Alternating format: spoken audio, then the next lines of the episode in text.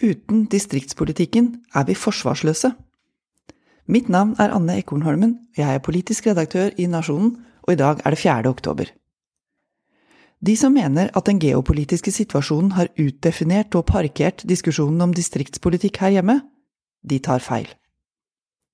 Vi blir den forsvarskommisjonen som med ettertrykk kommer til å måtte si dessverre, nå er det alvor, sier Knut Storberget. Statsforvalteren i Innlandet den tidligere Arbeiderpartistatsråden, var justisminister i Jens Stoltenbergs regjering under terrorangrepet på Utøya og regjeringskvartalet i 2011. Nå leder Storberget den forsvarskommisjonen som legger fram sin rapport i mai neste år.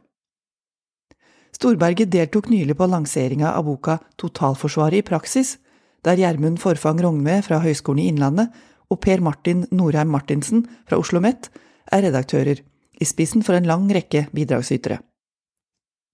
Alle skulle ønske at det ikke var så aktuelt.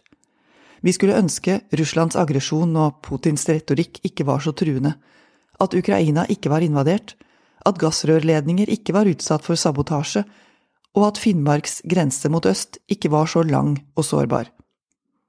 Men sikkerhetspolitikk og forsvarsevne er til de grader løfta på dagsorden. Hvordan står det til med totalberedskapen og totalforsvaret? Totalberedskapskommisjonen, ledet av Harald Sunde, arbeider parallelt med de samme spørsmåla og skal levere sin rapport i juni neste år. Fungerer den gjensidige støtten og samarbeidet mellom sivil og militær sektor for å utnytte samfunnets totale ressurser ved en stats- eller samfunnssikkerhetskrise? Forsvaret er avhengig av et velfungerende sivilsamfunn, sier generalløytnant Yngve Odlo, sjef for Forsvarets operative hovedkvarter. For ansatte i Forsvaret trenger boliger, de trenger arbeidsplass til partneren og barnehage til unga. Forsvaret trenger også butikker, lege, kultur og et fritidstilbud.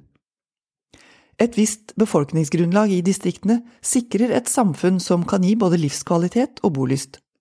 Sånn kan Forsvaret unngå å bli en rein ukependlervirksomhet, og sikre rekruttering til det militære.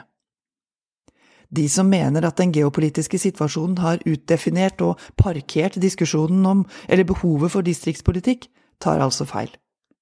Distriktspolitikken er ikke død. I stedet er de ytre truslene også en påminnelse om hvor viktig det er at Senterpartiet og Støre-regjeringa fortsetter å utvikle hele landet.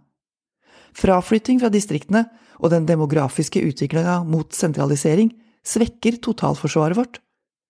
Den forvitringa må distriktspolitikken motvirke, ikke bare fordi Senterpartiet lovte det i valgkampen, men også av hensyn til sivil og statlig sikkerhet.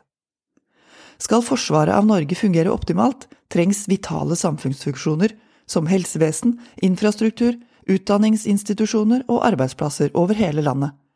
Det betyr et tverrfaglig samarbeid og et ansvar som må hvile tungt på alle departementer i ei distriktsvennlig regjering. Hvordan skal forsvaret av Finnmark og den strategisk viktige grensa mot Russland i øst fungere hvis det ikke bor folk i fylket? Hvordan skal kystnasjonen Norge sikre seg mot trusler utenfra hvis lokalsamfunnene tømmes for folk?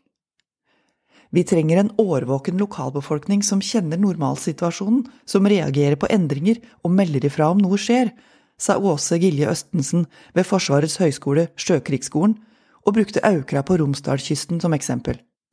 Der går gass i enorme rør til England, og etter eksplosjonen på Nord Stream-kablene i Østersjøen føler innbyggerne at krigen har rykka et ubehagelig hakk nærmere. Forsvarspolitikk er selvfølgelig utenrikspolitikk. Men Russlands krigføring i Ukraina svekker altså ikke behovet for at det her hjemme føres en aktiv, fungerende og offensiv distriktspolitikk. Tvert imot. Regjeringa må prioritere hardt for å bøte på mangelen på fastleger og sykepleiere over hele landet. Fylkesveier må vedlikeholdes og rassikres. Næringslivs- og boligpolitikk må ha distriktspolitiske føringer.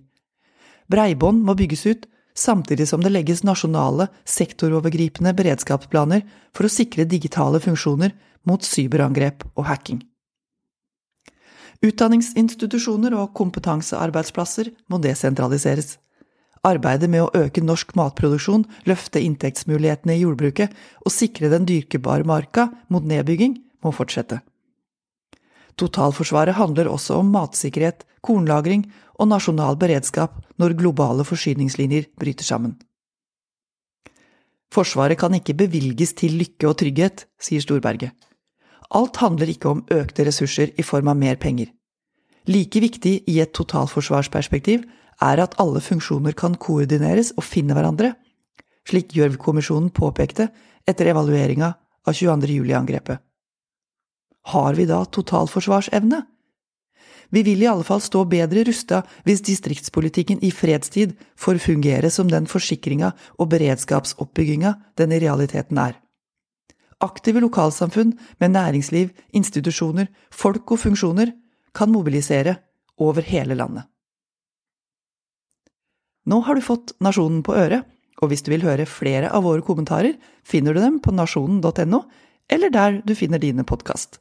Vi høres